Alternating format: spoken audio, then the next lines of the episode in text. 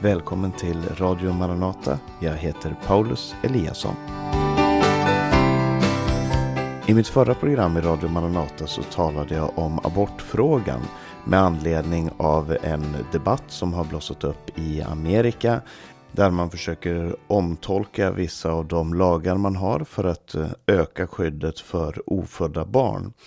Och i förra programmet så talade jag en del om de argument som används och vad som är grundfrågan i eh, eh, abortfrågan. Och det ska jag tala lite mer om idag för vi hann inte komma fram till det som är eh, Bibelns syn på det hela. Och vi ska ta några fler argument och vi ska tala om Bibelns syn på abortfrågan. Och det ska vi börja med nu.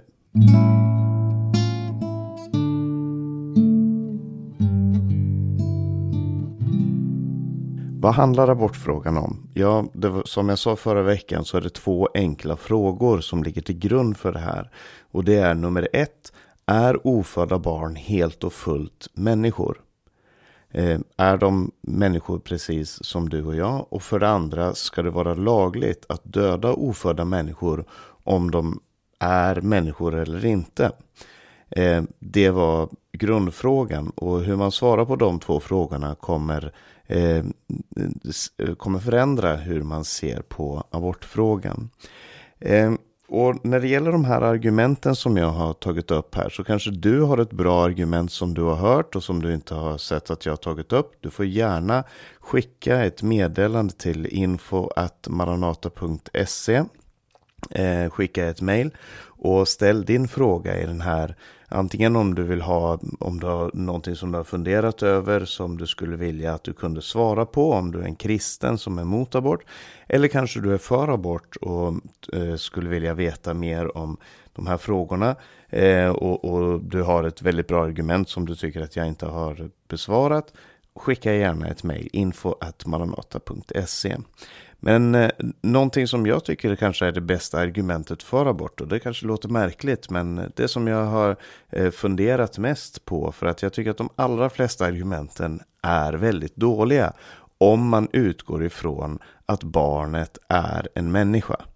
Om den ofödde är en människa så är alla argument som följer som handlar om, eh, som handlar om mammans rättigheter, som handlar om sjukdom, som handlar om eh, storlek eller geografisk position på det här barnet och så vidare. Eh, de är dåliga. Men det finns ett argument som jag har tänkt över en del och det är det här argumentet att en kvinna har rätt att välja vem som ska få vara i hennes kropp och utnyttja hennes livmor. Alltså precis som jag har ett hem och om någon kommer och säger men jag, jag har verkligen behov av ditt hem så har inte jag skyldighet att eh, överlämna mitt hem till den här personen och säga att okej, okay, men då får du bo här istället för mig. Då får du ta över det här hemmet. Eller om, om jag har en bil eller vad det än är. Så, och, och framförallt då min egen kropp. Eh, till exempel när jag dör så har inte vem som helst rätt att, att eh, ta mina organ eller utnyttja min kropp som de vill. Eh, och när det, även om det skulle vara någonting som räddar deras liv. Och eh, eh folk har inte rätt att utnyttja min kropp eh, för att no, till exempel rädda någon annans liv. Så även om det handlar om en annan människas liv så har man inte rätt eh, att utnyttja andras kroppar. Och då skulle man kunna argumentera att ja, men nu är det här barnet i mammans kropp, även om det är ett eget foster, ett eget liv och så vidare. Det befinner sig i mammans kropp och därför så borde det eh, inte ha rätt, alltså med mindre mamman själv vill det, så ska det inte ha rätt att utnyttja hennes livmor. Och så långt argumentet. Eh, vad är problemet med det här argumentet? Ja, för det första så finns det en moralisk grundregel som både är uttryckt i Bibeln men som också väldigt många andra skulle säga sig eniga i och jag tror att du är enig i det också. Och det är grundregeln att rädda ett liv står över allt annat. Alltså framför allt så ska du bevara ett liv. Och, och eh, precis som eh, Jesus talar om, där han, han eh, räddar en människas liv på sabbaten och människor runt honom tyckte att han borde inte ha gjort det här på sabbaten, det hade varit bättre att göra det på en annan dag. Men Jesus säger att det finns lagar som står över andra lagar. Och vi kan tänka på till exempel en, en eh, familj som gömmer judar i sitt hem under andra världskriget och som ljuger för nazisterna och säger att nej, vi har ingen, det är ingen som bor här. Eh, och då är frågan då naturligtvis, gör de rätt i det? Eh, eller borde de ha talat sanning? Och i den situationen så skulle jag vilja säga att det finns en moralisk grundläggning som handlar om att rädda liv eh, som står över andra regler. Och eh, i den här situationen så, så är det så att mammans rätt att göra vad hon vill med sin egen kropp ställs över barnets rätt till liv. Och det är inte självklart att det ska vara eh, en naturlig konsekvens. Att, att rätten till eh, autonomi över sin egen kropp och bestämma vad man vill göra med sin egen kropp ska stå över andra människors rätt till liv. Det, det, är inte så. Om, om jag vill göra någonting med min kropp som sätter en annan människas liv i fara eh, så, så är inte det rätt. Det är inte, det är inte en rättighet som jag har. Och i, i de allra, allra, allra flesta fall där så har mamman varit med på och varit medveten om och bidragit till att barnet befinner sig i hennes livmor. Och man har inte rätt att placera en annan människa i en situation där de kan dödas. Och ofödda har också rätt till sin egen kropp. Eh, det är, inte, det är inte så att en ofödd invaderar sin mors kropp, tar över sin mors kropp. Det är så att de genom eh, den sexuella akten är, har hamnat där. Eh, genom efter befruktningen så är det någonting naturligt som växer och som händer i kvinnans eh, livmoder. Och de ofödda där har också rätt till sin egen kropp. Mycket mer kunde varit sagt om det här argumentet, men det finns ett argument till som jag inte alls tycker är lika bra, men det, det används väldigt, väldigt mycket och det är det här. Det är bäst att de oönskade eller de sjuka barnen inte sätts till världen. Och det man menar med det här är att barn som föds in till fattigdom eh, föds av föräldrar som inte är ägnade som föräldrar eller som eh, riskerar att bli sjuka eller som är sjuka redan ifrån livmodern. Det kanske är bättre att låta dem bara få dö. Och det här flyttar människans rätt till liv eh, från personen, alltså är någonting som man äger därför att man är människa, till omständigheterna. Alltså att om omständigheterna ändrar sig så har man inte längre rätt till liv. Och vi gör inte så med människor helt enkelt. Vi dödar inte fattiga människor för att vi tänker att ja, men det är nog bättre för dig att du inte fortsätter leva. Eh, vi, vi, vi dödar inte sjuka människor. Vi mördar inte sjuka människor. Eh, vi ja, det ska sägas att det finns ju en eutanasidebatt som är en helt annan fråga här. Men när det gäller gamla och sjuka. Men det ska vi inte ta upp nu. Och en, en, vi dödar inte människor för att de är tiggare eller vad det än skulle vara. Så det här att påstå att en människa eh, är oönskad, och det kan gott hända att en människa är oönskad, men det gör inte att människan har ett mindre värde, mindre rätt till liv. Precis som när jag diskuterar med, med kollegor på jobbet om tiggeri och de tycker att nej men, tiggeri det, det är någonting så fruktansvärt, det, det ska vi inte tillåta i samhället och vi vill inte ha dem här, säger de. Vi vill inte ha tiggarna här, så varför ska vi, varför ska vi tillåta att de, att de tigger på gatorna när vi inte vill ha dem? Och så sa jag till den här kollegan som sa det att ja, men det handlar inte om din rätt till att gå på gatan utan att, eh, utan att störas av tigrar, utan det handlar om deras rätt att befinna sig där. Och väldigt ofta när man talar om de ofödda barnen så sätts fokuset på eh, mamman eller familjens eller, eller eh, den som faktiskt är födds eh, rättigheter och inte på barnets rättigheter. Och här flyttas det då från rätten till liv därför att man är en människa till omständigheterna. Och, men det här har dragits så långt att i, eh, i länder där man tillåter abort så tillåter man också abort av barn som har Downs syndrom eh, eller andra medfödda syndrom eller sjukdomar. Och det säger någonting om hur vi värderar människor. Vi håller på att utrota människor med Downs syndrom därför att föräldrar säger att Nej, men det är bättre att de inte blir födda, det är bättre, det är mer bekvämt för oss, ligger väl egentligen under där, men man använder det här att ja, men det hade blivit ett liv i lidande och så vidare. Och utan att gå in i det här argumentet som det som kallas för skrå, eh, the slippery slope, jag vet inte vad man säger på, på svenska, på norska säger de skråplanet, alltså att det, det glider åt ett, eh, åt ett eh, åt ett håll och där man säger jaha vad blir det nästa? Men man måste ändå fråga sig vad blir det nästa? Vilket sorts sorteringssamhälle är det vi kommer eh, leva i? Där man säger att oönskade barn och det kan vara oönskade barn därför att föräldrarna själva inte vill ha barn.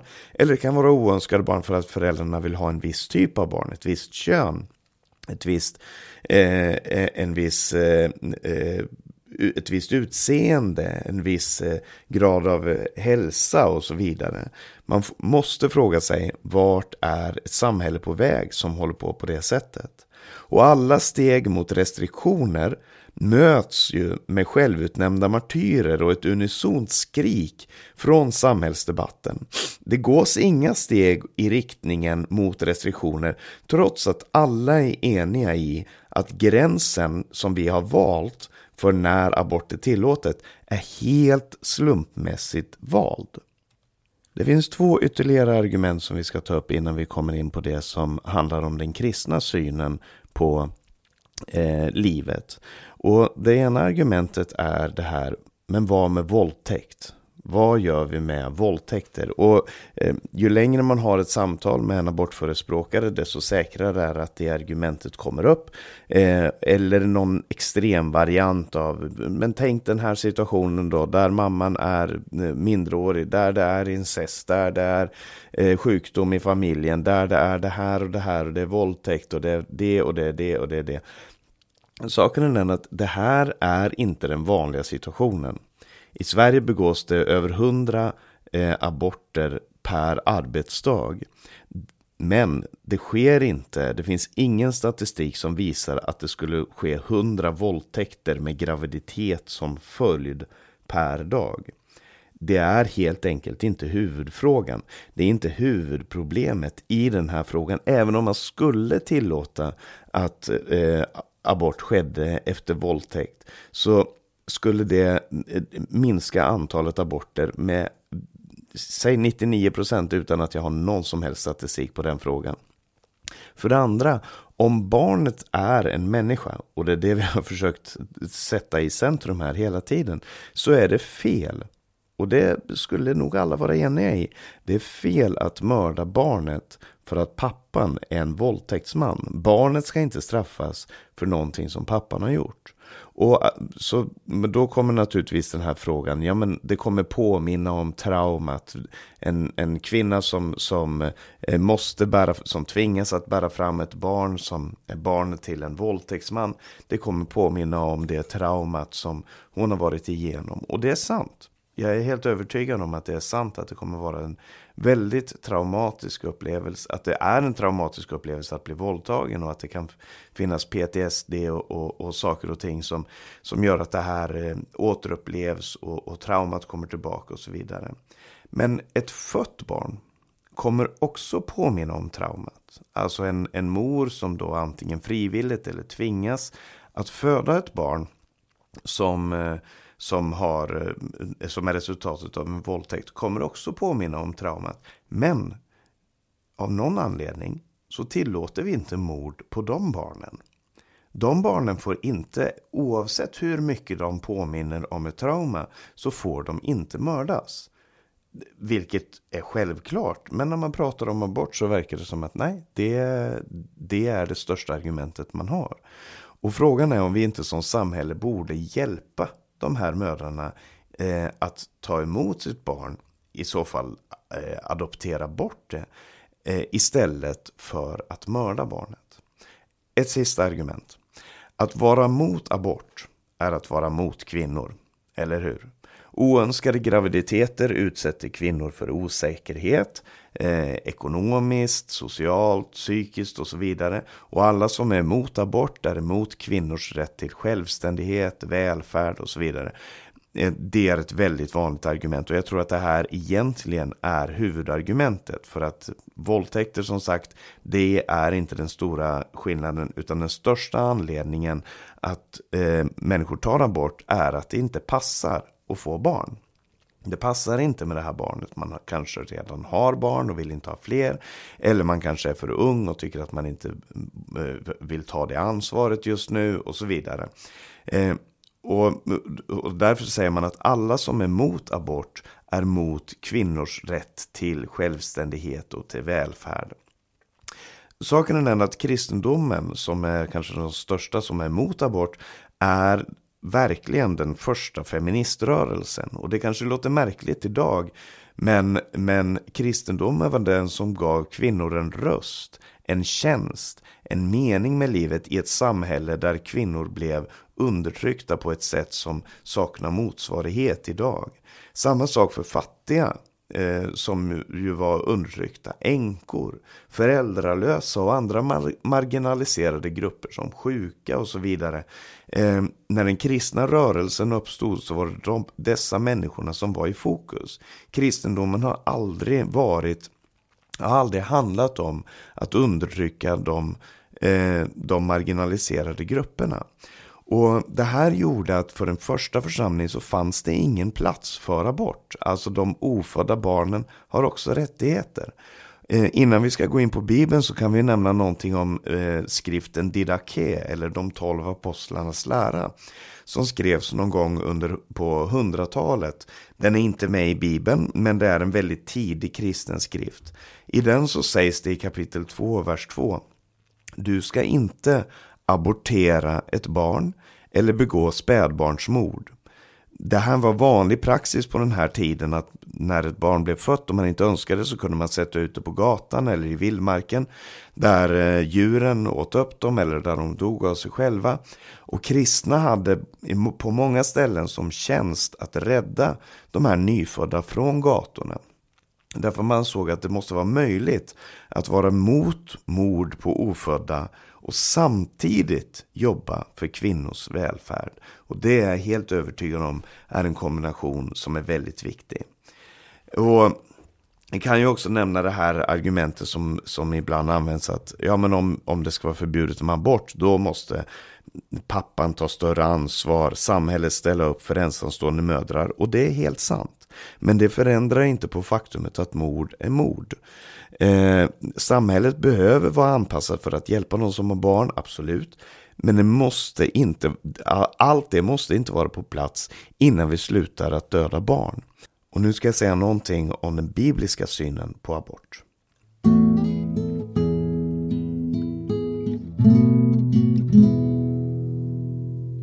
Det är helt klart så att bland abortmotståndare så är majoriteten kristna. Och varför är det?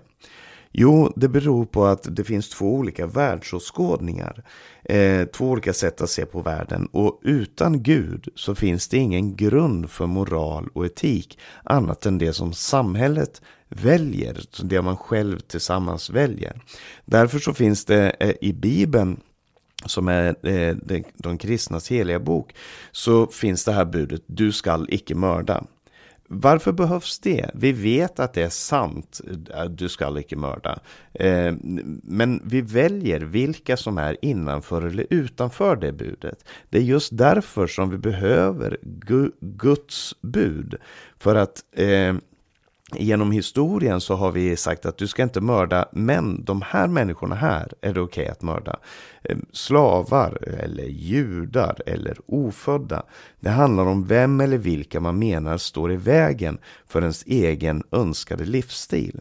Och här kommer det här argumentet tillbaka för att man säger att det förstör, eh, när man vill förbjuda abort så förstör det samhällets tillväxt, kvinnors frigöringskamp, kvinnors frihet och det är frihet och rikedom på bekostnad av andra människors liv. I Bibeln så talas det om avguden Molok som tillbads av Israels grannfolk och ibland av Israel också.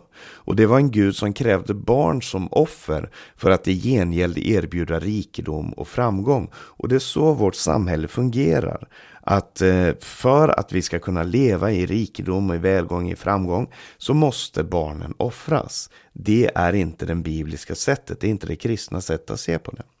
Men vad är då Bibelns argument? Ja, det, när man, ibland när man samtalar med någon som verkligen kan det här om, om eh, eh abortfrågan så säger de att ja men Bibeln säger ju att och så kommer det något bibelcitat eller någon antydan om ett bibelcitat eller någon tanke som skulle finnas i Bibeln som skulle vara till försvar för abort. Kolla alltid upp sådana påståenden skulle jag vilja säga. Därför att Bibeln är konsekvent i sin syn på ofödda människor. Ta till exempel psalm 139 som säger så här i vers 13 till 16. Du har skapat mina njurar. Du vävde mig i moderlivet. Jag tackar dig för att jag är så underbart skapad. Underbara är dina verk, min själ vet det så väl.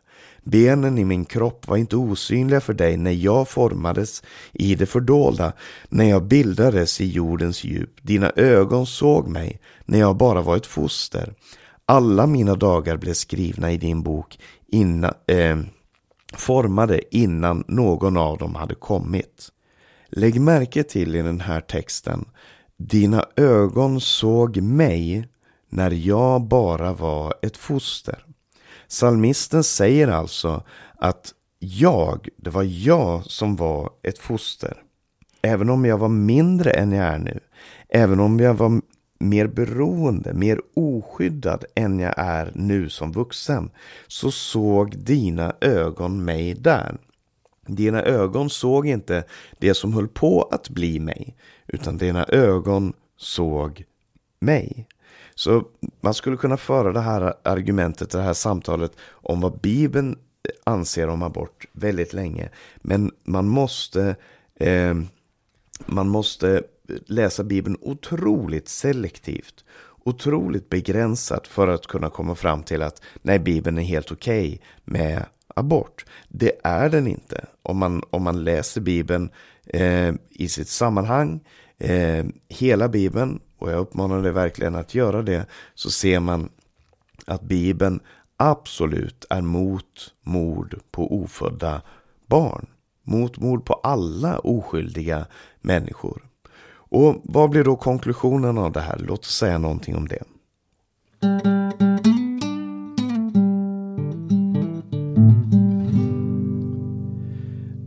Genom historien när människor har utsatts för undertryck så har det väldigt ofta slutat med en revolution eller en reformation.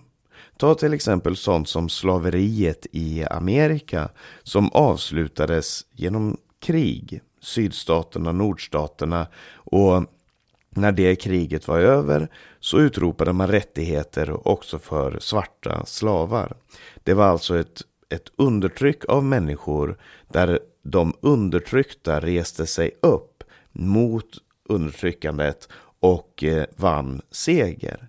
Eh, segregationen fortsatte i Amerika, men både segregationen i Amerika, i Sydafrika och andra platser har brutits genom protester, eh, genom sanktioner, ofta ledda av kristna människor, sådana som Martin Luther King Jr och andra så har man brutit det här människoförtrycket genom protester och sanktioner eh, eller ta undertryckningen av kvinnor. Det, det ska absolut inte förnekas eh, att kvinnor har eh, undertryckts genom generationer, genom många århundraden. Och sättet som det har minskat på i vår tid är genom att kvinnor har använt sin röst för att lyfta de frågor där de har blivit diskriminerade. Och alla dessa grupper, och du kan tänka på andra, och jag säger inte att vi har löst alla problem i vårt samhälle, det har vi så sannerligen inte. Men om du tänker på de situationer där undertryckta människor har rest sig upp Ryssland i början på 1900-talet, franska revolutionen, vad det än handlar om och oavsett vad som har blivit resultatet av det gott eller ont. Så tänk på det här enkla faktumet att alla dessa hade något. De hade antingen en röst eller ett vapen, de hade en opinion. Men vad har de ofödda? De ofödda har ingen röst. De ofödda har inga vapen. De ofödda har ingenting de kan ställa upp med.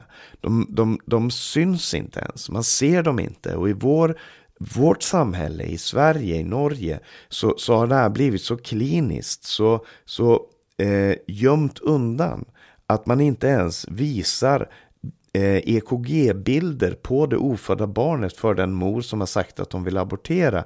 Då ska man inte visa det. Därför att då kanske hon skulle få för sig att hon ville att hon skulle eh, eh, byta åsikt och inte ville göra det här längre.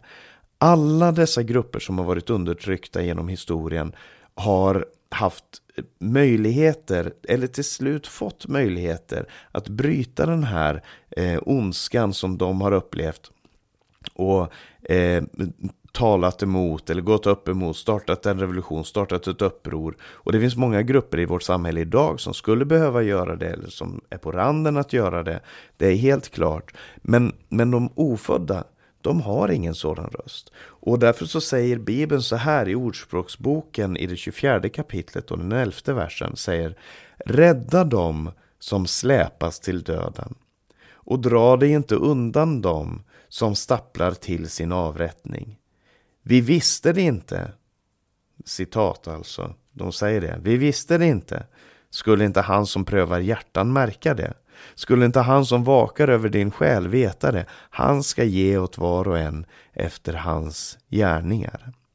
Det finns så många människor som önskar säga, vi visste inte. Vi, vi kunde inte, vi hade inte.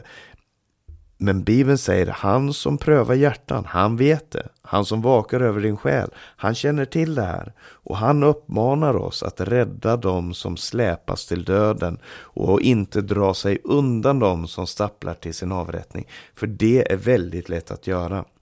Att dra sig undan de som stapplar till sin avrättning. Och Gud give att vi som kristna inte gör det. Därför skulle jag vilja uppmana dig, du som har lyssnat på det här programmet, att verkligen ta en ståndpunkt. Gör det du kan för att rädda dem som stapplar till sin avrättning. Och om du inte är kristen som lyssnar på det här och du kanske har fler frågor eller så, ska vi ge några annonseringar om var du kan komma i kontakt med oss. Eh, Gud välsigne dig.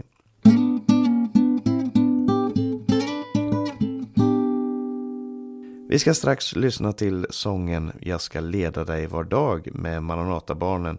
Men först så ska jag ge lite information om Radio Maranata. För du har lyssnat till en podcast ifrån Radio Maranata med mig, Paulus Eliasson. Det här programmet har sänds både över Stockholms närradio 88 MHz och Örebro närradio 95,3 MHz. Sprid gärna de här programmen till andra också om du har möjlighet. Om du har frågor eller kommentarer omkring det här programmet så kan du gärna skicka en e-post som sagt till info.maranata.se eller ring 070-201 6020. På vår hemsida maranata.se så kan du höra programmen, läsa minasropet, se Radio Maranatas övriga sändningstider eh, och mycket mer. Sprid Guds välsignelse till alla du möter och vi hörs igen om en vecka. Jag ska